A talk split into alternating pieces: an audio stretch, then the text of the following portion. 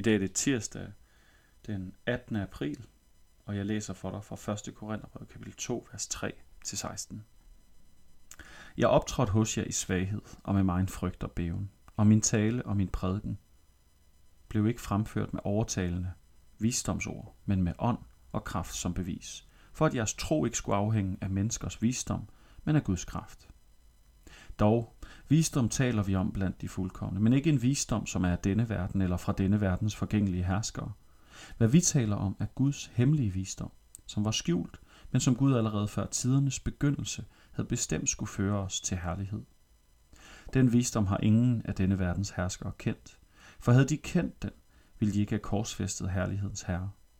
Men som der står skrevet, hvad intet øje har set, og intet øre har hørt, og hvad der ikke er opstået i noget menneskes hjerte, det, som Gud har beredt for dem, der elsker ham. Det har Gud åbenbaret for os ved ånden. Til ånden renser alt selv Guds dybder. For hvem ved, hvad der bor i mennesket, undtagen menneskers egen ånd? Således ved heller ikke ingen anden end Guds ånd, hvad der bor i Gud. Vi har ikke fået verdens ånd, men ånden fra Gud, for at vi skal vide, hvad Gud i sin nåde har givet os. Og om dette taler vi ikke med ord, som menneskelig visdom har lært os, men med ord, som ånden har lært os, og vi tolker det åndelige for åndelige. Et sjældent menneske tager ikke imod det, der kommer fra Guds ånd. Det er en dårskab for sådan et menneske, og det kan ikke fatte det, for det bedømmes kun efter åndens målstok. Det åndelige menneske derimod bedømmer alt, men selv bedømmes det ikke af nogen. For hvem kender Herrens tanker og kan belære ham? Vi har Kristi tanker. Amen. Vi er i begyndelsen af 1. Korintherbrev, hvor Paulus er ved at sætte scenen og tale nogle af de vigtigste teologiske emner i gang, som han vil formidle til korinterne.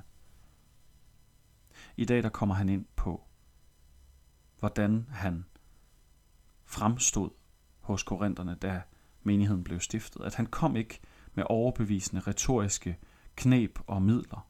Han kom ikke med kraftfulde one-liners. Det handlede ikke om hans tales overbevisning. Det handlede om ånden og kraften, der blev bevis. Det var det, som han ønskede, deres tro skulle afhænge af. Guds kraft og ikke værtslig visdom. Guds kraft. Ikke værtslig visdom.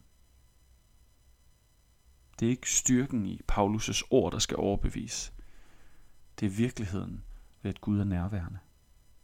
Sådan er det også i dag blandt os.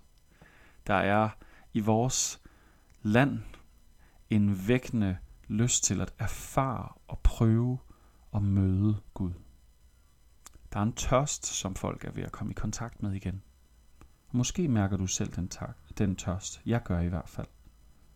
Tørsten efter, at det ikke bare er kloge ord, som kan overbevise mig og sætte mit hjerte i brand, men at der er mere end ord. Paulus han taler om en hemmelig visdom.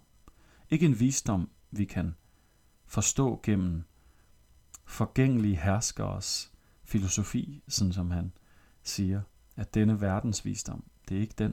Det er ikke noget, du kan læse dig til. Det er ikke noget, du kan ved din egen formåen modtage. Det er noget, Gud han formidler. En visdom, som er, at Gud sendte sin søn. En visdom, som er, at Gud han elsker os. En visdom, som er, at Gud er nær. Det virker ikke som visdom. For de fleste mennesker virker det fjollet. Det virker ikke klogt. Det virker nærmest forkasteligt og forsimplet. Men for et åndeligt menneske er det visdom, fordi det er sandt. Vi kan forbinde os med Gud, forstå hans dybder gennem ånden. Paulus siger noget helt radikalt. Vi har kristi tanker. Vi kan kende Gud. Det er visdom. Hvis Gud findes, og vi kan kende ham, så er det, det visdom. Det er hemmelig visdom at kunne lære hans vilje at kende, hans tanker og blive påvirket af dem. Så lad os bede om det lige nu. Gud, giv os ikke blot ord, som kan sætte vores hjerter i brand, men som slukkes igen, når ordene fortager sig. Giv os et nærvær, et møde. Helligånd, kom. Tal til os. Formidl Guds dybder til os. Gør det, Jesus kom og gjorde, det Jesus er, og dit nærvær stort og virkeligt. Berør os, Helligånd. Amen. Kan I have en dejlig dag.